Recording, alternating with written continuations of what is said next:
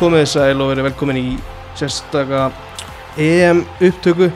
16. úrslutin er að hefjast á morgun og reyðlakefninu lauka á miðugudag Sæbjörn heiti ég og með mér eru valsararnir Jóhann Skúli og Einar Örn. Verið velkominir, takk fyrir að koma. Takk hérlega Takk fyrir mig. Hvernig svona hefur ykkur svona í almennt bara svona lítist á EM til þessa? Er þetta, er standast vendingar? Svona misjaflega, það hafa verið alveg frábæri leikir en inn á milli hafa komið alveg ævintýralega leðinleir leikir líka sem hafa bara verið hægir og, og svona þurrir og, og lítið að gerast. En eins og vennilega þá mann maður einlega meira bara eftir, eftir góðu leikunum þegar þetta er allt búið. En það hafa alveg verið dagar sem hafa verið svona alveg heilu dagarnir verið bara frekar döll og leðinleir leikir. En það er oft í, í reyðilega kjarninu, þetta er oft svona á, á EM kannski meirin á, á HM, það er oft svona varkárari spilamennska hjá mörgum liðum í, í reyðilega kjarninu og, og ég held að þetta mót sé bara falli ágæðlega því minnstri. Samála því og veist, það er hérna mjög misjamt og hérna leikaðferðarnar frekar verið fyrst með varfarnislegri heldur en hitt og hérna en veist, heilt yfir ef ég verið bara, ég náttúrulega man ekkert frá síðasta Evrópamóti annað en hvað Ísland var að gera sko. Að hérna, veist, ég, hef engan samanbyrð þannig sko en veist, þetta er bara allt í lægi sko, bara flott að það sé stórmóti í gangi fyrst og fremst Akkurat, þú kemur inn á Íslandi er ekki núna, hver eru svona ykkar lið á mótinu? Ég hef alltaf verið bara frá fornu fari grimmur stuðningsmaður Ítala og, og bara held mig við það alltaf, svo eftir að hafa búið í Þýskalandi mörg ár þá náttúrulega hefur maður rosalega sterkar taugar til þjóðverðina, börni mínu er fætt í Þýskalandi og halda þá náttúrulega eðla með þjóðverðinum en svona innst inni við beinið er ég alltaf alveg grimmur, grimmur Ítalamaður í svona stór, stórmótum alltaf. Er það eitthvað þú tengt ykkur í það? Já, já, ég veit það ekki, ég bara, þú veist, ég var, fór í frí til Ítalju 86 rétt eftir að HM kláraðist og það var náttúrulega, þeir voru liðleir þar einhvern veginn en það svona, einhvern veginn smitaðist yfir og ég fekk ítalskan búning þá og Juventus treyju og eitthvað Já. svona og þá svona, þú veist, þegar maður er nýjára, 8-9 ára, þá svona einhvern veginn hamrast þetta bara alveg heim og, og, og ég bara hef haldið með Ítalju síðan. að samaskapi fekk ég Scherer treyju, svona 97 og hef verið harður stundismæður Englands síðan þá sko og hérna mörg ára af sársauka og hérna, en hérna verða alltaf mínir menn, nummer 1, 2 og 3 sko. Þetta oft þarf ekki meira til en eina treyju, sko. Mæ, og ég, ég kefti mitt sko, ég kefti ítalska búninga og AC Milan treyjur og eitthvað svona börnin þegar þau voru lítil en það var erfitt að ná þjóðverðunum úr þeim sko. Þannig en kannski fyrir okkur sem byggum ekki í neinum á þessum löndið og litli þá þarf oft ekki meira en bara eina góða treyja, plakkat eða eitthvað sko. já, emmitt Já, úst, bara England, bara alltaf. Og svona taugar til, ég er alin upp á mjög svona, hérna, hollensku stunningsheimili, þannig að hérna, ég, hérna, er, get ekki þjóðverina en hérna, og svona alltaf einhverja smá taugar til hollendinga, en, en svona fyrst og fremst er það England, sko Já, förum þá kannski í, einmitt, byrjum bara á englendingunum hjá þér, Jói, ertu, Mm. ertu, er þetta heillaði það sem þú ert að sjá og ertu ánægð með hvernig upplíki hefur verið? Um, nei, ég get nú ekki sagt það mér finnst þetta hafa verið hérna rosalega flatt uh, fyrir utan þeir hafa náttúrulega gert það sem þarf og klára hana riðil með sjö stig og hérna ekkert mark fengi á sig en, en vissulega búin að skora tvö mörk uh, Nei, ég hef ekki verið heillaður sko en veist, einhvern veginn í riðilakefnin þá þarftu bara að gera úst, x mikið til að koma þér áfram og sem varstu með þetta hangandi yfir þér úst, hérna, í hvaða sæti átt að lendi í riðlinum bla bla bla og svona kjaftaði. En ég hef svona bara uh, úst, they did a job og eru bara komnir áfram sko þannig að ég er hérna, alveg léttur með það sko. Ég er líka með filosófíu sko að mér er eiginlega alveg sama hvernig sigrar vinnast. Uh, þú veist, svo framalega sem þeir vinnast en um leið og tapar á einhvern leðilegan hátt þá verð ég mættur í grillaður sko. Að þú sem United maður, ertu, pælur eitthvað í því hvort að þínu mennar sé að spila? ég sko, ég veist heiðarlegt svar er já. Ég, ég geri það sko og hérna, ef pyrrað mig til dæmis að Rashford sé ekki að spila eh, bara miklu meir en ég vil viðkenna sko, en hérna þú veist, já, þú veist, það hefur klálega hérna, ég er með einhverjar pælingar um það sko, já, það alveg spilar inn í. Að þú sem Arsenal maður, ertu þar líka? Það? Já, ég viðkenni það alveg og mér varst bara hundlegin að horfa á skotana án Kieran Tierney en það var ég hæst ánaður að hann skildi að hafa komið inn í, inn í hópin fyrir Englandsleikin og sama með, með England þegar, þegar Saka byrjaði hennan, hennan loka leik þegar riðleikeppninni þá svona bættið einhverju krytti í það að fylgjast með, með þeim leik. Og hann stóð undir væntingum líka. Mm -hmm. sem að náttúrulega því að ennska pressan er strax mætt til að reyna að skjóta niður. Eins og þeir eiga, eiga oft til þessi ennsku Já, Akkurat, jó, þú kemur inn á þú veist, þessu pælingar í hvað sæti þú átt að enda, er enda í, efsta sæti og fá, fá hérna belgana, er það, fá þjóðurinn ekki? Þjóður já, þjóður en segja, Já. er, er, það, er það klúður? Nei, ég held ekki sko inn í end einhvern veginn nú er ég ekki kannski með reynslu af stórmótum eins og kannski einar sko en veist, ég held þú farir alltaf veist, sama hvað, veist, þú getur ekki farið inn í leik einhvern veginn og ekki ætlað að vinna ég einhvern veginn eins og ég man sko á HM 2018 þá var mjög augljóst að hérna, þú veist, önnur leiðin, að England og Belgar saman í riðli og Englandingar gátulent í öðru sæti og farið þá aðra leið og, þú veist, og það stillaðir upp bara lélegu liði sem kannski minkar möguleikan á sigri en þú veist, þeir, þeir sem eru inn á vellinum reyna þetta að vinna. Þannig að veist, meðan þetta var ennþá einhvern veginn svona í hálgerðu lausi lofti þá veist, held ég að hafa gert bara allt til að vinna sem við náttúrulega gerðu sko.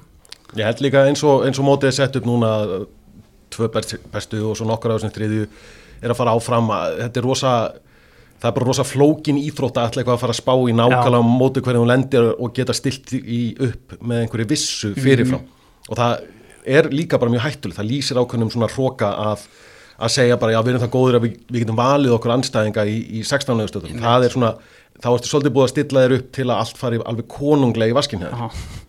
Talandu um þetta, veist, 24 leið móti annarskipti, er þetta er þetta að dreipa ykkur stemningi fyrstu tveimur umfyrum reyðleikemninar?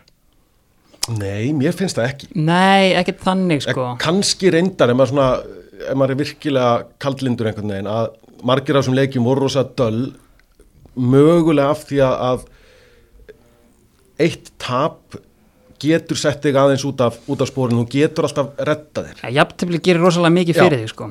Þú veist, þannig að með einu stíi ertu ennþá bara á fullu inn í möguleikanum á að komast áfram úr reyðlinum ef það fara bara tvölið að fjórum áfram þá er eitt jafntefli orðið hlutfarslega talsveit dýrara fyrir þig.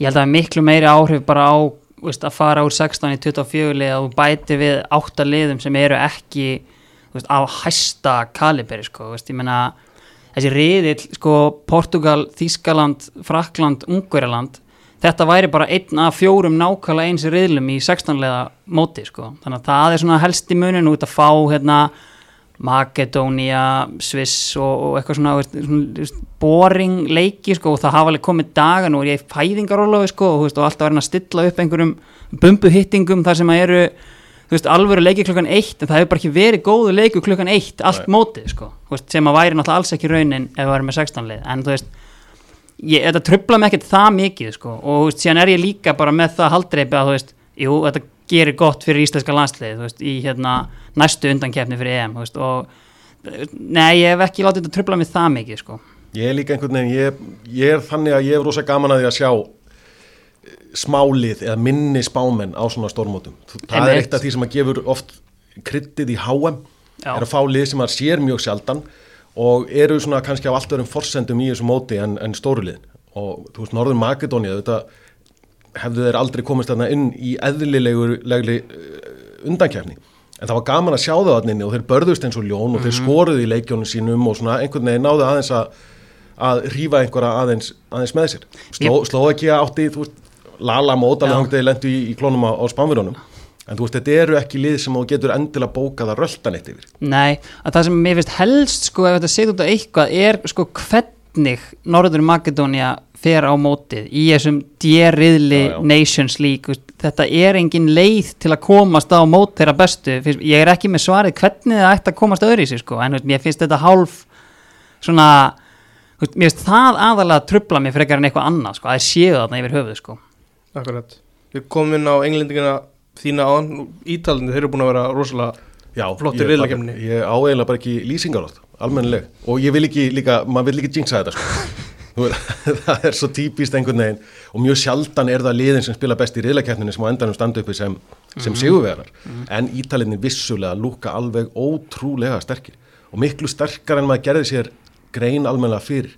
Maður sér ekkert alla leikina þeirra, það er bara mjög fáa leikina þeirra í, í undankeppninni svo les maður bara eitthvað, það er náttúrulega ósigræðir í 30 leikjum í röður, ekki búin að fá á sig mark í 1000 mínútur, svo sér maður það á mótinu og bara, já ok, já, nú skil ég Já. nú skil ég hæpið sem var í, var í kringu þá og þeir virka alveg opbóðslega svona þétt maskína akkurat, akkurat núna og ég er ég leifi mér að vera bjart sýtt fyrir hönd ítalana en svo maður líka minnur þess að bestu liðin í riðlakjapnin er ekkit endilega þau sem fara alla leið sko.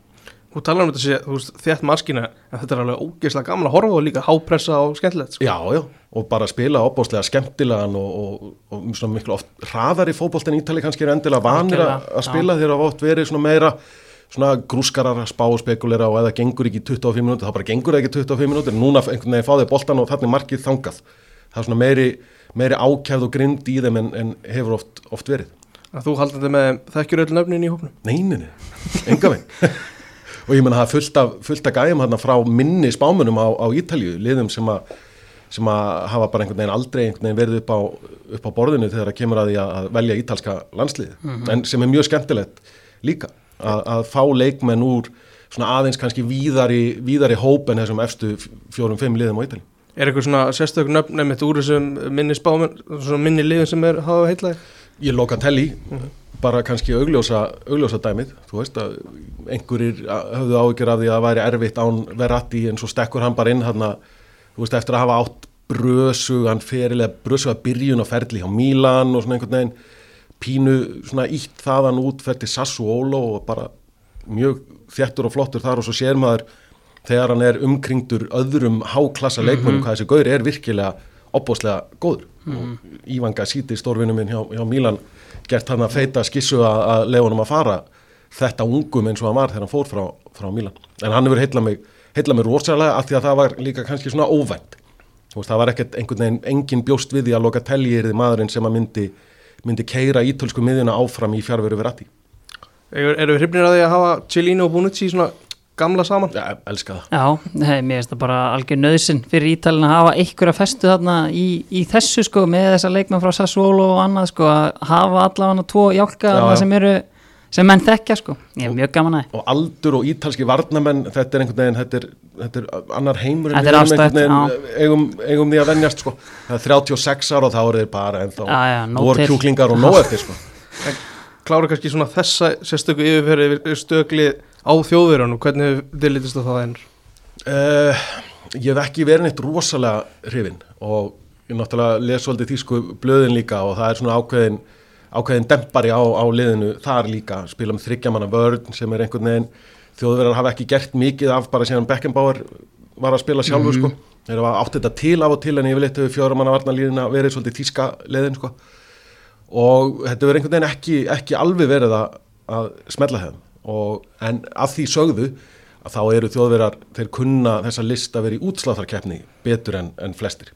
Þannig að, en ég löf hefur ekki náð neitt rosalega miklu út úr þeim á, á síðustu mótum.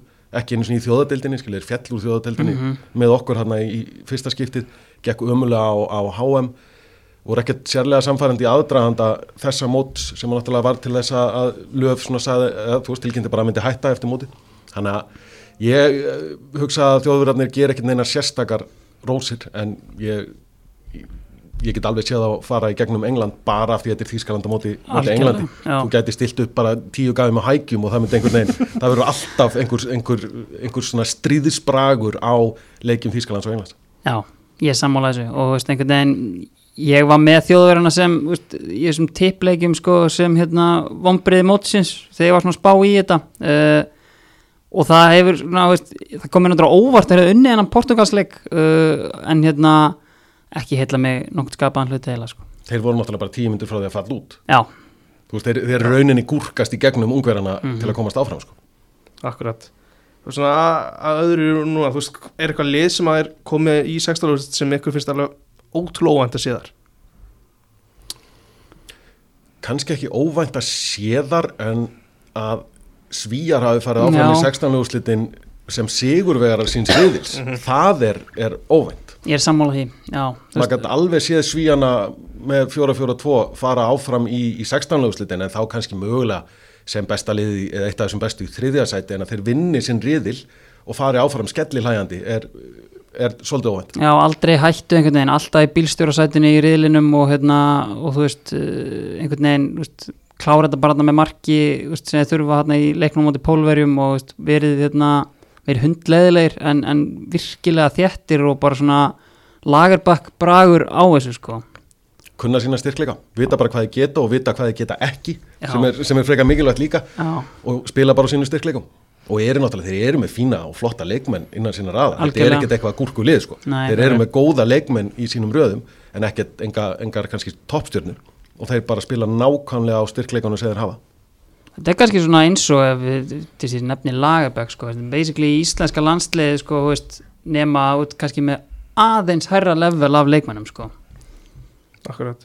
En að svona liðunum sem að komast ekki áfram, mikið talað um Tyrki fyrir mót og svo rússarnir gáttu lítið sem ekkert og var, var eitthvað, þú veist, var eitthvað óvandið því hvaða lið komast ekki áfram? og nefni Tyrkina, þú Tyrkina, gríðarlega vombrið ég menna þetta er lið sem að sko, vinna frakka Eðluð okkar nákvæmlega. Og þú veist bara það komir ótrúlega óvart bara þessi fyrsti leikur bara þú veist lið sem valla fekk á sig mark nema frá rakka sig sko hérna í undankeppninni og, og bara gátu ekki neitt. Og líka þú veist Tyrknest lið veist, hafa gert fína hluti á þessum stórmótum á þessari öld og hérna það komir rosalega óvart hvað það voru ógeðslega liðlega sko Já. Uh, þessi riðil F, þessi dauða riðilur í mótinu, við hljóttum að fagna því bara að fá öll þessu þrjú stóru liði áfram. Já. Já, gerum það og hann stóð undir nafni þessi riðill og bara þessi loka dagur riðlakeppninar, loka kvöldið þegar þessi leikir voru í gangi í þeim undarriðli þegar þetta var að sveiplast fram og tilbaka með hverja einasta marki sem kom í, í báðum leikjónu sem voru, voru í gangi þá blótaði maður því hressilega að vera ekki með tvö sjónvarp í gangi og þurfa að vera að flakka á milli sko. Já, Já. Er eitthvað svona, eitthvað leikmaður í mótinu sem að er svona, svona rísandi stjarn sem þið vissi ekki að, þú veist, þú kemur inn á Locatelli, eru fleiri? Já, Locatelli er kannski svona einn af þessum augljósu póstum, Alexander Isak maður náttúrulega vissi að þú veist, búin að heyra þetta nafn frá því að hann byrjaði með landsliðinu fyrir fjórum árum eða eitthvað 17 ára, 17 ára gutti. En hann er betri en maður gerir sér grein fyrir. Aftur maður fylgist ekki mikið með Sociedad í, í spænsku dildinni og hann verður heilla mig svolítið. Bara svona hvernig hann spilar fótbolta. Ég er svolítið, svolítið hrifin á honum. Aðeins svona kannski, svona gaurið kannski sem maður vissi meira um. Einmitt og sömu línu kannski Emil Forsberg verið virkilega góður á svíum og hérna og síðan hefur komið mér á óvart að sjá minn mann Viktor Lindelöf stjórnaði sem svo herfóringi hana Þú veist, það hefur hérna komið smá á óvart sko, en hérna svíjarnir almennt komið með mest á óvart einhvern veginn með hérna veist, leðilegum en, en mjög flottum leik sko. Ég hef sérstaklega hrifist, hrifist að Robin Gosens í klálega. Og mér finnst líka bara geggjað að sjá þú veist, þetta Atalanta lið með svona marga fulltrúa þarna bara á mótinu og þú veist, bara svona hérna þú veist, einhvern veginn fylgst með þeim í mestaradildinni og, og séð einhvern veginn þar og þú veist, síðan bara pælimaður og það er nánast leikmaður í öllum landsliðinum þarna frá Atalanta sko, það er mjög skemmtilegt Já, að þú veist, ef við förum að rýna þessi í 16. úrslutum, hvað hvað er svona, hvað er svona safaríkast í þessu? Er það, er það Belgia? Já, Belgia, Portugal Já. og, England, Þískaland Já, og kannski England, Þískaland meira svona af, af sögulegum ástæðum Mhm. og Belgia, Portugal er klárlega, ég menna þetta eru tvö lið sem að maður var mjög auðvelt að spá sigri á, á mótin og í, að mörguleiti syndaði skulum mætast strax í, í 16. úrslitum en gefur þá líka ágætis krydd í 16. úrslitin að fá svona risa slag þarna. Já. Já, þú veist, eins og ég segi þú veist, ég horfi á England, Þískaland og það er svona hérna að því að liði sem vinnur það, það er frekar þægilega leið held ég eftir það ef ég var að sjá það rétt sko Já. Þannig að hérna uh, úst, að því að bæði liði svona úst, englandi kannski ekki valdi vombriðum eða veist, valda kannski alltaf vombriðum í bresku pressunni sko en hérna en, veist, og þjóðverjar úst, svona einhvern veginn högta í gegnum ungverjana úst, en eru samt þá komnir í algjört döið að færa og að fara í úslita leikin eða vinna englandíka sko. Að það er svona hérna kannski lang stærsti leikurinn fyrir mér sko. Já. Veistu, tölum við um, um belgana, þeir eru núna kominu með De Bruyne í gang, Hazard að fá einhverjum mínútur, Witzel er, svona að komast inn í þetta, er þetta ekki lið sem getur farið bara alla leið? jafnvel? Jú, ég meni þeir eru ekkert í eftir að setja heimslistans bara að því Nei, þeir eru frábælega skipaðir á, á alla kanta kannski vörninn svona kannski aðeins meira seiki en hún hefur verið undanfarin ár en sóknarlega er þetta náttúrulega því lík maskína og, og leikmannahópurinn sem þeir hafa þarna til að redda sér mörgum eða þeir þurfa mörg er alveg svakalegur gætir eiginlega copy-pasta þessar ræðu sko bara yfir á Portugal. Með sko hérna, frábæra sóknamenn einhvern veginn, þó er af ekki allir verið að finna fjöluna í þessu móti, en síðan er vörninn bara, veist, eldgamall Pepe sem er enda kongurinn og veist, einhvern veginn svona ekki alveg, markmaðurinn svona, veist, la-la og meðan belgar er enda með besta markmann í heimi að, veist, þá er þetta svona hérna, mjög aðteglisvært innvíð svona upp á hérna, það að, geggja sóknarlinur en varninda spurningamarki en þetta gæti orðið mjög skemmtilegt, sko Ég hugsa að við gætum fengið einhverja, einhverja veislu í, í þessum leik. Já, Mhm. Af Því ég hugsa að hvort liðið allir eitthvað að segja að núna ætlum við að sitja tilbaka og sjá hvað gerist. Ég held að við reynir bæði að, að fara og taka frumkvæði í leiknum strax og bara skora fleiri en, en hinnir, hinnir skýtt hvað þú farið á því, bara skoraði fleiri. og einmitt, þú veist, leikirnir hjá Portugal í riðlinum, þú veist, hrikalega skemmtilegir einhvern veginn, þú veist, 3-0 á móti ungarjum 2-2 á móti frökkum og þessi ótrúlega 4-2 leikur við þjóðurina, ég held við fáum alveg bara geggjaðan leik þar, sko Já, þú veist, í portugalska liðinu er að tala samt um bara ríkla breytt og þeir, hann ákveður að bekja Bruno Fernandes Mm. mm. að koma á vort bæði og sko veist, hann, var, hann, var, hann var góður á móti ungverjum uh, fast mér sko uh, ríkala einhvern veginn slappur á móti þjóðverjum sko en að veist, ég finnst að kannski ekki koma mér á óvart sko með að við bara hvaða leikmenn hann setti inn og annað, setti náttúrulega inn hérna Moutinho held ég sem að hérna, veist, gæði með 140 landsleiki og þekkir þetta allt sko en að veist, ég einhvern veginn Nei, það kom ekki á óvart og ég fagnar náttúrulega öllum kvildum sem minn maður Bruno fær sko því ég held hann sé aðfram komin bara hérna, eftir hlaup bara í stanslöst ár sko þannig að hérna, ég held að það geti bara verið taktist að fá hann senn inn ferskan í 16. úrslitin. Já, svo erum við úr, úr samanriðli og Belgia fyrir upp þá fara, fara Danir upp. Já, þeir ná hann að klára síðasta leik og, og koma sér þannig áfram. Þeir, fó, hvað, þeir eru með Velsi í sextaluslutum Mm -hmm. það er svona úst, það líka gæti alveg á móti er svo Holland og Tjekkland þetta er svona eins og þú segir með, með England Þískland þetta er svona leiðin í úslitin er Mm, auðveldari já. í þarna megin. Hva, hvað við að- sjá?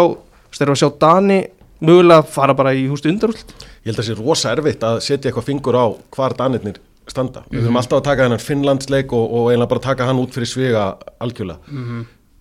Það er enginn að fara að vinna belga eitt, eitthvað og Danir stóðu sér vel á móti belgónu þó þeir hafi tapaði en kannski sínd á móti rússum þá aftur þannig að setja spurningamerki hversu góðir eru rússarnir Já. raunverulega og Danir án Kristján Eriksen er náttúrulega svolítið, svolítið skaði fyrir þá að vera ekki með sinn svona heila í öllu, öllu spili hjá sér.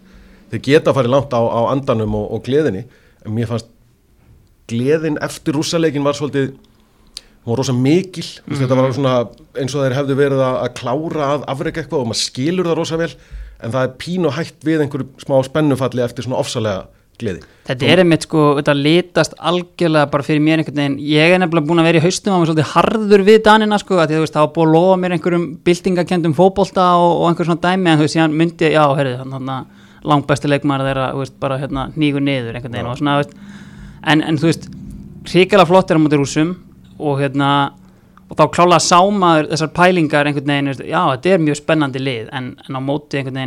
hvort að motivationið að, veist, að spila fyrir Eriksen einhvern veginn vægi á móti því sko að missa það er runni held ég, finnst mér helsta spurningin í þessu sko, bara hversu hérna hversu peppaðir náðir að vera veist, veginn og halda sér í þeim gýr sko. Og hvernig náður að stilla spennustíð áfram í framhaldinu? Þetta er svona einhvern veginn, þeir eru á bylgjunni núna með samstöðuna en svo tekur oft svolítið annað mót við þegar komið í, í 16. áslitin og, og ég er svona pínu smeykur um að Danirnir muni aðeins renna á svellinu á, á móti Wales. Ég var einmitt mjög svona hérna, veist, ég var með veils alveg hérna, það komið smá á óvart einhvern veginn, veist, kannski ekki högta inn í undanljóðstundin eða sérstanljóðstundin en svona, ég bjóstu aðeins meiru frá þeim sko og hérna sérstaklega eftir fyrsta leikin og svona einhvern veginn þannig að veist, þetta er svona frekar jamt einhvern veginn fyrir mér en veist, á móti þá kannski, veist, veils eru með beil og beil getur gert hvað sem er sem að mér finnst kannski ég sé það ekki alveg í leikmannhóknum hjá dönum á móti, veist, hver er að fara að gera bara eitthvað upp úr einhverju sko. Já, og Ramsey, má ekki gleyma Ramsey. Ars, Arsenal hjarta verður að minnast á Ramsey.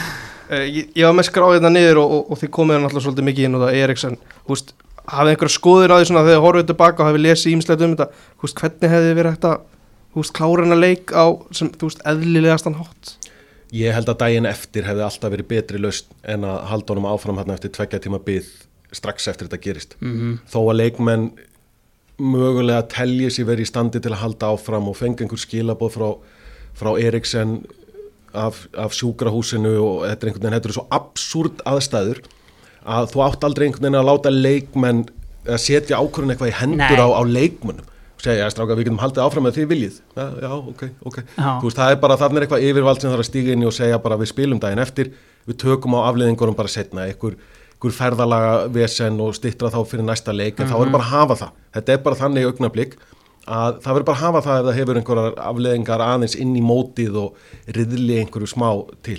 Ég held að þetta hafi verið versta mögulega útkoman að draga menn út á völl aftur tveimur tímum eftir að liðsfélagið er að nýju niður. Ég held það og líka bara veist, það sem ég heyrði einhvern veginn var sko að þú veist, jú, jú, þú veist, Danirnir fá skilabóð frá Eriksen og allt það en veist, þetta var aldrei veist, leikmann og bara algjörlega stilt upp í vegg að einhverju leiti sko, bara hérna, spilina leik bara í kvöld, þessi leikur klárast í kvöld það er bara engin spurning um það. Þannig að þetta er allt saman mjög sérstakt ég er ekki með, jú daginn eftir og bara finna eitthvað út úr þessu. Það hlýtur að vera hægt sko. Og það hefur gerst á EM það þurfti að fresta eða stoppa leik í hvað 2012 þegar þetta var í Úkræn og Pólandi út af Emmitt, og svo var hann bara kláraður daginn eftir. Veist, þannig að það er alveg fordæmi fyrir þessu og það er alls konar uh, undan þáur í reglunum núna út, af COVID-smitum og einhverju það sem er að fresta leikum eitt, eitt sólaring en þarna var einhvern veginn ekki, ekki hægt að fresta hún þó að reglunar hef, hefðu alveg leifta að hann færi fram bara daginn eftir Nei, mjög, mjög skrítið bara allt saman einhvern veginn og veist, engin einhvern veginn í standi til að spila hana leik held ég sko.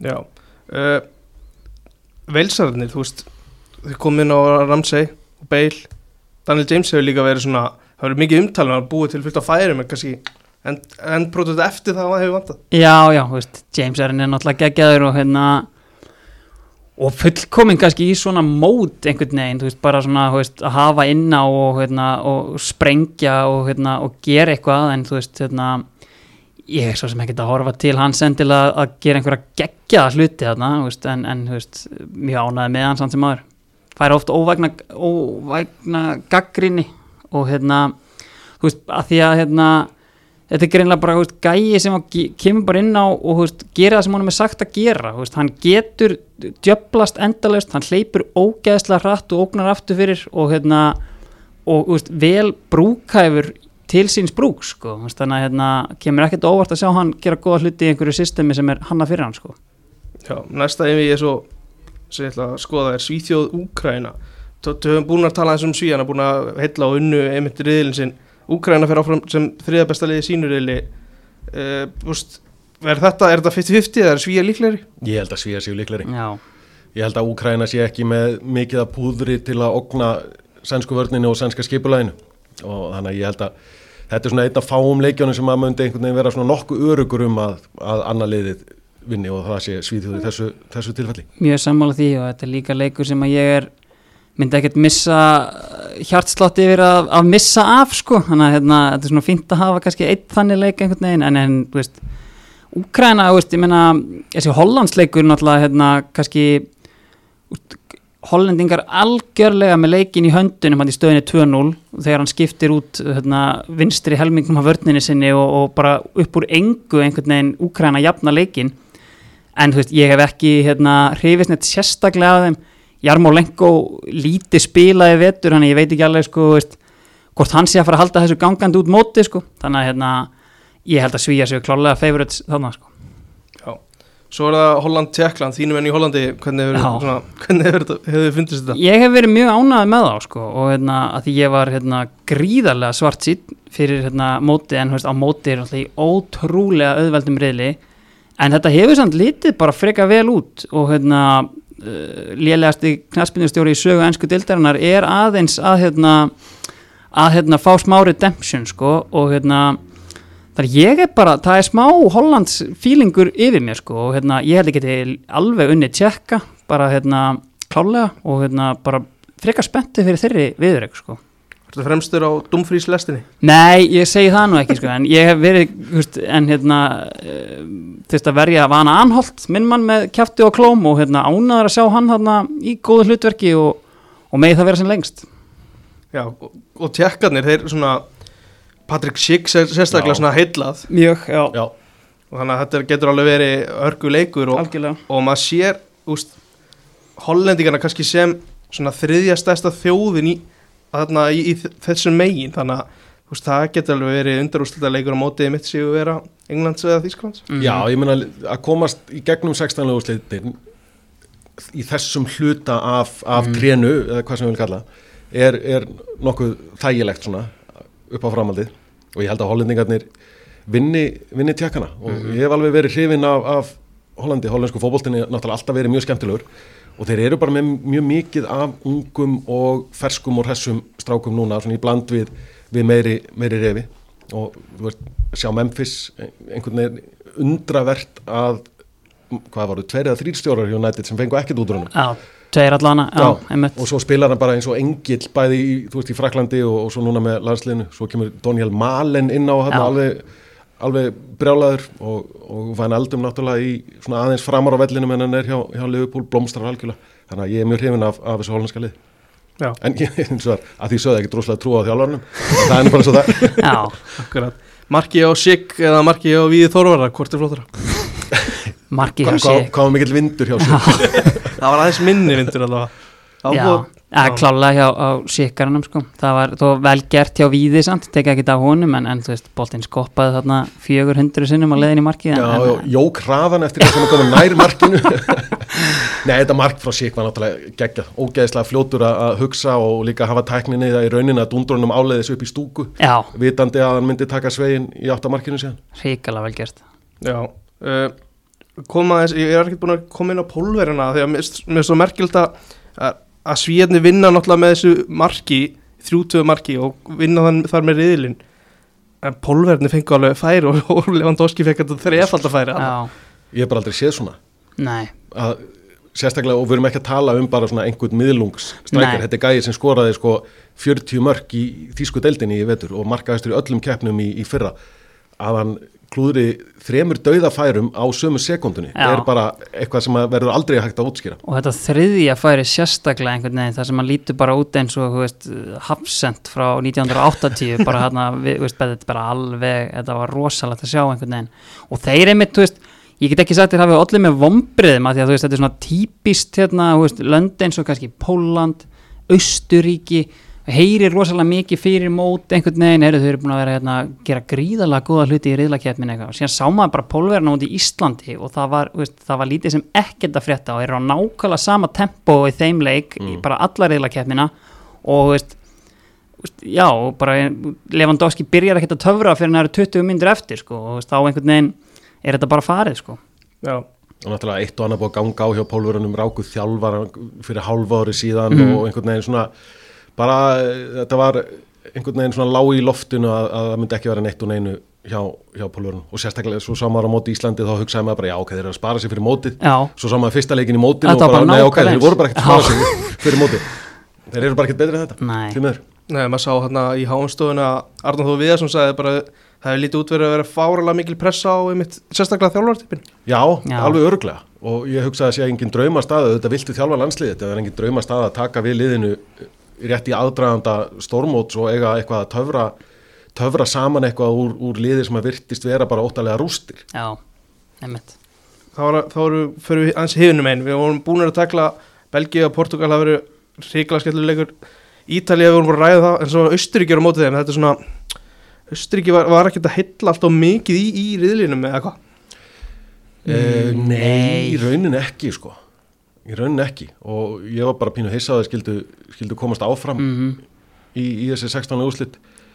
Þeir eru með fína leikmenn en kannski svona sta, fína staka leikmenn hér og þar og hafa ekki, ekki náðalega búið til einhverja, einhverja svona held úr þessu.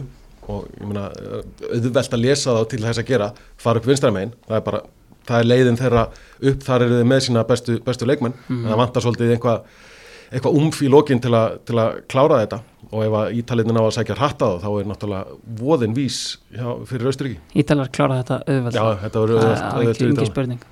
Akkurat. Uh, Frakland Sviss er það ekki er ekki heimsmyndst bara er það ekki jafn auðvelt í rauninni ég myndi segja að þeir væru líklegri allan uh, þú veist, jú og þú veist hérna Sviss svona, þú veist, kannski í sama flokki fyrir mér einhvern veginn og Póland og Austuríki sem ég nefndi áðan, sko, þú veist, þetta er svona, þú veist, Jú, þú veist, alveg skorpur frá þeim og, og, og skemmtileg heit einhvern veginn en, en þú veist, frakkarnir fara auðveldlega, eflaust mjög leiðilega en, en auðveldlega í gegnum þetta held ég. Já, já, en Bappe er ekki dottin í gang almennilega ennþá í markaskorun. Nei, er eiga mikið inni einhvern veginn fyrst manni. já, þeir eiga helling inni sem er náttúrulega alveg óhugulegt að að hugsa til þess að, að frakkar eigi mikið inni þegar þú ert komin út alltaf kemna sko. Já, Þeir hafa mitt ekkit verið neitt uh, sérstaklega heilandi en þeir ætla alltaf að vinna hann portugalsleikar ekki, áttur ekki að fá vítan í lókin Jú, klárlega. Já, en mér fannst þeir alls ekki eiga að fá fyrsta víti Nei, sitt allavega, það var algjört grín eiginlega. Og hérna hann að, veist, mér fannst það núla svolítið út Ja. sko en, en hérna, en þú veist, þeir gera einhvern veginn bara það sem þeir þurfa að gera, þú veist, þeir komast þarna yfir á móti hérna Þískalandi og, og það er bara síðan einhvern veginn, það er allir róli, þetta er bara rosalega mikið eins og bara horfa á þetta sjamt spila í gamla dag, það er bara, þú veist, að gert það sem þarf og það eru unnir boltarnir sem við þurfum að vinna og og allir slagir sko.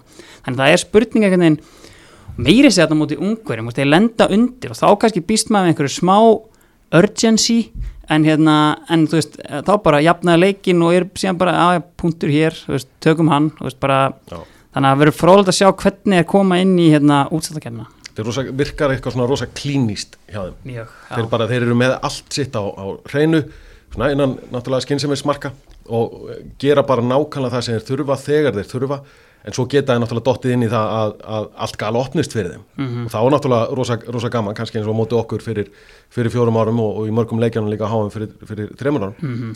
en ég hugsa að frakkarnir verði mjög erfiðir viðfangs og erfiðar og erfiðar eftir því sem lengra kemur inn í móti klálega Horfandi á Pól Pogba, er þetta er pyrrandi að sjá hann blómstra í þessu liði eða bara skilur það? Nei, nei, ég veist það ekkert pyrrandi og veist, það er bara hérna, það, er, það er bara það koma mánuðir þar sem að Pól Pogba er bara geðveikur og hann er að hitta á þannig mánuði núna og veist, hérna, það kemur ekkert óvart og það pyrra mikið neitt og bara áfram Pogba fyrir mér sko.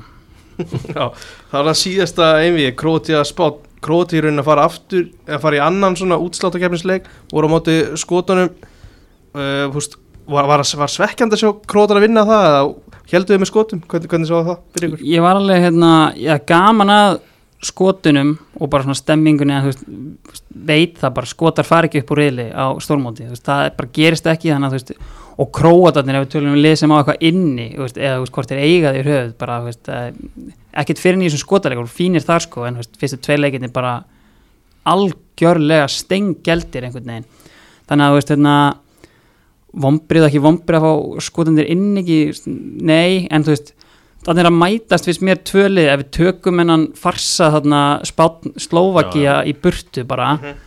Þú veist, þetta eru þau tvölið sem mér hafa allir mér einhvern veginn mestum vombriðum með spílamennsku, króatarnir eru bara lullandi um völlin allan tíman og, og spánverjarnir sko, þú veist, í possession without penetration sko í öðru veldi og bara með leiðilega leikmenn sko, hann að ég er hérna alls ekki hrifist af þessum liðum og hérna er búin að veðsetja húsið mitt og setja aðlegun á 0-0 í þessum leik sko, þannig að ég hérna bara ég er nefnilega fylgi sammála mér. því, ég held að þessi leikur er eftir að verða alveg ofbóðslega hægur og rólegur. Já, spánverðarnir með boltan eiginlega allan leikinn svo fá króatarnir hann og kannski reyna að gera eitthvað, kannski ekki þeir, ég er algjörlega sammála að þeir spiluðu bara mjög leiðinlega í, í riðlakjarni.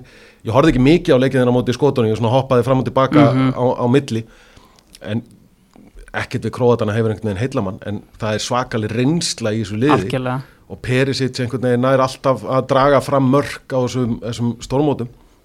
Þannig að ég ætla mér þætti í rauninni mjög gaman ef að króatar myndu slá spánverð út. Bara svona einhvern veginn til að aðeins að gefa spánverðum einn, einn utanundur og segja bara reyniði nú af og til að skora. Já, það er, þetta gengur út á að skora mörg reyniði það líka, það var voða fínt að vera í, í hérna þrýðningum og reytabólta út um allan völl en reyniði af og til að skora?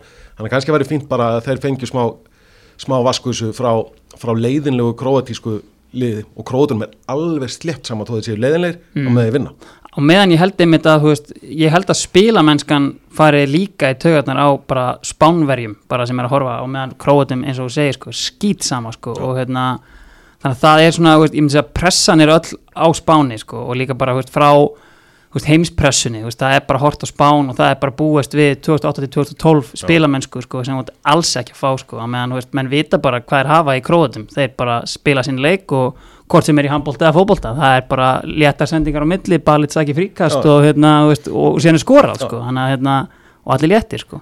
Akkurat. Ef við horfum kannski aðeins lengra fram í tíman er það að sjá okkur svona lið sem, að, sem eru líklega nönnur í undarúsld hafið hafið eitthvað pælt í bara þessi Englands-Þískalands pæling sko. Uh, og veist, síðan bara þessi hinn lið fyrir mér þú veist, Frakland, Belgia þú veist, uh, þessar þessar típisku þjóðu sko, ekkert meira kannski rýnt í það sko. Nei. Já, ég held, ég hef meiri trú á belgunum móti, móti Portugal og ef þeir, ef þeir klára það þá fara þeir áfram í, í undanúslitin líka. Og ég held að frakkarnir einmitt verði verði alveg sjúklega erfitt, það verður rosalega erfitt að vinna þá. Mm og það gæti endað, kannski, þú veist, í framlengingu eða vító einhverstaðar þegar þú ert komin lengra. En ég held að þeir mun ekki það verður rosa erfitt fyrir liðið einhvern veginn að seglast í gegnum frakkana. Já, Ítalinni mögulega væru, væru færir, færir um það en ég, maður er ein- maður er svo brotin að hafa haldið í Ítalíu gegnum árin að maður einhvern veginn þorir aldrei að segja neitt sko. þú veist að þeir gætu, gætu bladran gæti sprungið bara á eftir. En ég vona sjálfsög að Ítalinni fari, fari alla leiði þessu. Frakkarnir líklegastu svona fyrirfram eða belgarnir líklegir jafnvel? Ég myndi segja frakkar Frakkar, væru líklegastir alveg klálega og hérna en þú veist, já, bara klálega frakkar líklegastir, að því þú veist frakkar eru líka þannig séð, þú veist, ef við horfum kannski síðan 20 ár, þú veist, ég meina það er saga þarna, þú veist, það er, það má ekki vann með söguna í þessu, sko og einhvern veginn, þú veist, ég er einhvern veginn alltaf þar, þú veist, sama hversu gott liðið hjá belgum er, þú veist, ég sé þá ekki vinna mót, sko Þú veist, það er bara eitthvað í haustnum á mig bara, já, já, þú veist, Hvernig, þú veist, hvernig hef- hefur ykkur fundið svona umfjöldunni kringum mótið er, er ekki, þú veist stöðtusport er bara, þú veist, er að er að tækla það vel með marga mismunandi sérfræðinga fullt af kvenki sérfræðingum, Mm. þú veist, er, er þetta ekki svona er þetta ekki létt og skemmtilegt? Ég hef haft mjög gaman að þessu og hérna, veist, bara hérna, alveg hrikalega gaman að þessu og hérna, Arnarsveit Geirsson hefur þetta verið eins og kongur í ríki sína þarna í settinu í nýjum sútöpfötum dag eftir dag og hérna, bara hrikalega gaman að sjá hann og, veist, og jú, jú, talar um kvenkinn sérfræðinga, það er bara, þetta er góð stemming í þessu og hérna, og þú veist, það er, úst, það er létt yfir þessu þegar það er hægt og síðan kemur líka alveg úst, prófessorinn með sína greiningavinnu þegar að við á sko, þannig að þetta hefur verið fín blanda fyrst mér sko. Það er samlega því. Já. Uh, Svona að lokum þá ætla svona þú veist, Jói skil, þú ert með þitt laðvarp Já, Þú ert með hérna, svona, er, svona var sumarið. Heldur betur. Segð mér aðeins svona frá þeirri hugmynd og, og, og hvernig þetta virkar? Þetta virkar þannig að ég er með makkar með mér sem heitir Orri Eriksson og, og við í rauninni bara erum búin að kynna okkur uh, sumurinn frá 1992 í hverjum þætti og hérna förum bara yfir það og hérna og reynum að grafa upp eitthvað eitthva fyndið, það er nóg að fyndna að gerast alltaf sem að hérna fennir yfir og gleymist og, og erum bara basically að babla þarna í tæpa tvo tíma yfirleitt og ringjum í menn og, hérna, og, og, og krifjum bara svona hérna, tíðarandan líka sem er í gangi þarna og, þetta er bara búið að vera helviti gaman að fara yfir þetta og fólk er að hérna, fólk er að taka vel í þetta og hérna, við erum líka með leiðréttinga hotna því að eins og ég segi þegar þú bablar í tvo tíma þá ert að fara að segja einhverja vitleis og, verið hérna, menn duglegir að leiðrétta og, það er bara mjög gaman að þessu og, þetta er bara farið vel á stað sko. Áttu ykkur svona uppáhaldsleiðréttingu Ykkur svona ég náttúrulega sagði sko að Kristinn Björnsson einhvern tíðan skíðamaður væri frá Dalvík og það ringdi yfir mig því hann er vist frá Ólafsfyrði sko og ég er ennþá að fá leiðrættingar sko fjórum þáttum setna veist, það er svona eiginlega orðin fastur liður í leiðrættingahotninu bara Kristinn Björnsson og einhver umfjöldin um hann sko. inn bara bara á því hvaðan Kristinn Já, Björnsson er. já, í rauninni sko og síðan, þú veist, enna, ef við förum til það, það er mjög skemmtileg sko að Kristinn Björnsson fyrir um þjálfari vals sem, sem rugglingunni kom uppalega við sko, hann er frá Dalvík þannig að þetta er allt saman svona spilast mjög skemmtilega upp í hendurnar á mér sko og hérna, en það er svona heila, já, Kristinn Björnsson, það er minn maður. Já, þú starfur hjá Rúf já. þar. Hvað er svona framöndu þar og er, er, hvernig verður svona olimpíu umfyllinu? Er farið verður- þangað? Já, já, við förum út með, með teimi og náttúrulega eh, fyrst og fremst kannski til að elda Íslendingana. Við erum náttúrulega verið, já, allir stefnir kannski fimm, fimm Íslendinga sem að verða að keppa þarna, svo erum við slatt af íslenskum þjálfurum í, í handbóltan líka þannig að við verðum eh, svona eins og gráir kettir í kringum, kringum þau öll og lýsum náttúrulega fullt að öru dóti líka að, að, að utan, svona þessi stóru póstar frjálsarnar náttúrulega. Rosa, rosa mikið. Það var svolítið næturbröld að fylgjast með þessu hérna, hérna heima sko, mm þetta er náttúrulega nýju tíma mismunur á, á Ísland og Japan, en það verða, verða olimpíu, kvöld á hverju kvöldi og, og farið vel yfir, yfir allt, eða svona flest sem að gerist, náttúrulega þryggja veikna veistla þannig að gaman, að gaman að fá þetta alltaf svona í kjölfarið á, á EM maður rétt með að keira sér niður eftir EM og þá þarf maður að keira sér upp í olimpíuleikana strax Verður þetta þá gert upp, sko, þú veist, út með leikarna um nóttina og hann verður gerður upp kvöldinu eftir, ekki Já, það er semast útsendingar byrja yfirleitt svona 1-2 á, á nætunar Mhm. og eru fram að hádegi daginn eftir þegar Já. komið kvöld út í, út í Japan og svo verður semast eftir, eftir fréttir á kvöldin verður þau farið yfir allt það helst Já, sem að gerði síðasta sólaringin og náttúrulega skoða það sem er svo framundan Mhm. e, áfram inn í, inn í nóttina Næstu nótt. Já. næstu nótt sko en bara kuður sér lof fyrir tímaflækið Þetta var, þetta var miklu erfiðara þegar maður var, var yngri að reyna að fylgjast með olimpíuleikum í söður kóru og Já. stilla vekraklukkuna að vakna klukkan þrjú eða fjögur eða eitthvað. Nú bara vakna maður á ellin tíma og yttir á play. já, algjörlega Uh, hvað, já, þú að lókum kannski kemur inn á að ykkar lið var náttúrulega Íslandsmyndstari í handbóltag þetta er, náttúrulega fótbólta hlaðvarp, en þú veist, hvernig uh, voru, ekki, þú veist, án, voru ánæg með hvernig þetta hefnaðist þar, þú veist, svona, þessi úrslutakernins pæling Já, þessi Evrópu, Evrópu keppnispæling, mér fannst það lukkast ágæðlega Já. og ég, ég held að aðalega lukkast ágæðlega því þetta er bara svona þetta eina skipti sem þetta er. Bara út af öllu ástandinu eins og það búið að vera, þá var gerð þessi breyting og hún hefnaðist vel. Það var mikið af innvíðum var að klárast á útivallamörkum mm sem er náttúrulega verið að hætta með í fótboltanum núna og, og á náttúrulega ekkert að vera í, í handboltanum heldur en einhvern veginn verður út, útklefa þetta og mér fannst, það, mér fannst þetta skemmtilegt format og þú máttir eiginlega bara ekki mistiga þig í, í neinum leik af því að þá var voðin algjörlega vís með, með framhaldið. En þú ert þess að tripnari af, þú veist, rimmum, veist, upp í þrjú? Já, ég er það Já. almennt. Mér finnst það skemmtilegra format, mér finnst þetta mjög skemmtilegt format líka en Mm. ég er hrifnari af af rimmum sem að fara upp í að vinna, vinna þrjáleiki. Það reynir einhvern veginn allt, allt öðruvísi á liðin en svona tveggjarleikja format. Já. Þú mátt innan gæsalappa mistiga þig einu sinni á Mhm. þess að allt fari, fari í vesen að þetta er bara eins og munun og högleik og hólukefni skilur. Já, Það skiptir einhver máli hvort þú tapar leik í, í þryggjarleikja innvíði með, með 15 mörgum eða einu. Mhm. Það er alveg sama, það er jafn mikið tap. En í, en í svona tveggjarleikja formatið þá skiptir öllu máli eins og vansalarnir síndu á móti IBVF Mhm. að það skiptir máli hvort þú tapar með þreymur eða fjórum. já. Ég hafði mitt bara hrikalega gaman af þessu formati, bara tvei leikir og hérna, en, en þú veist, á móti á kannski blindast maður aðeins af því að þú veist, það var ekkert blowout, það var aldrei, þú veist, ef kannski hérna afturreiting haukar eða eitthvað svoleiðis, en þú veist, annars voru þetta, þú veist, leikir sem var farfrika jæmt og það var aldrei sem að leikurinn var búinn bara gjörsanlega fyrir setnileikin, sko. Sem að gæti náttúrulega orðið raunin síðan með, sko, en hérna, en þetta er einmitt, að því að bara fyrst erum að tala um þetta, það er magnað bara líka í Európukefnin í handbólta, hvað heimavöllur hefur ógeðslega mikið vægi og þú veist, bara vinnur með tíu mörgum og þú veist, þá bara, að, það er samtalið hérna, eins og við valsarar fengum að kynnast þarna í, í trúða Európukefninni hérna á sínum tíma, sko, veist, þú bara fara að fá einhverja konga á flautuna og veist, það bara leikurinn á að vinna strax mikið, en veist, já, ég var mestrar, geggja. Í svona innvíðum skiptir samt, sko setnileikurinn, hann mótast all, alltaf alfarið að því hvernig fyrirleikurinn fór. Já, Þú veist, þannig að það er einhvern veginn ótrúlegt hvað mikil sveifla getur orðið á milli, milli tveggja, tveggja leikja en það er líka bara út af mótiveringunni. Þú ferð ósjálfrátt aðeins að verja tíu marka fórskoti sem Já. er með á fyrirleiknum og hitliði kemst aðeins og bræður allt í húnum komið áttamörkum yfir þegar að 25 minútur eru búnar Mhm. og þá er alveg einvíð orðið jafn og þá er rauninni byrjar þetta. já, Ótrúlega sagt að vakna einn fótbóltarspurning út frá þessu útvalla markaregla, hún var náttúrulega henni var hent Já. út fyrir hafsöga í gær er það ekki bara mjög ákvæmt? Ég er á báðum áttum. já, ég, Mér, mér finnst það skemmtilegt tvist inn í, inn í svona einvíi að eitt mark til að frá getur ráðið í algjörlega hvort þú sérst að dett út eða fara áfram. Þú ert ekki að jafna, þú ert bara hreinlega að komast yfir. Þú, þú ferði úr því að vera undir í að komast yfir með einu marki. En mér finnst algjörlega að útíðvallareglan hefði náttúrulega aldrei átt að vera í framlengingu. Það, Nei. er, það er algjör steipa. einmitt En ég hugsa að maður er eftir að sakna hennar pínu.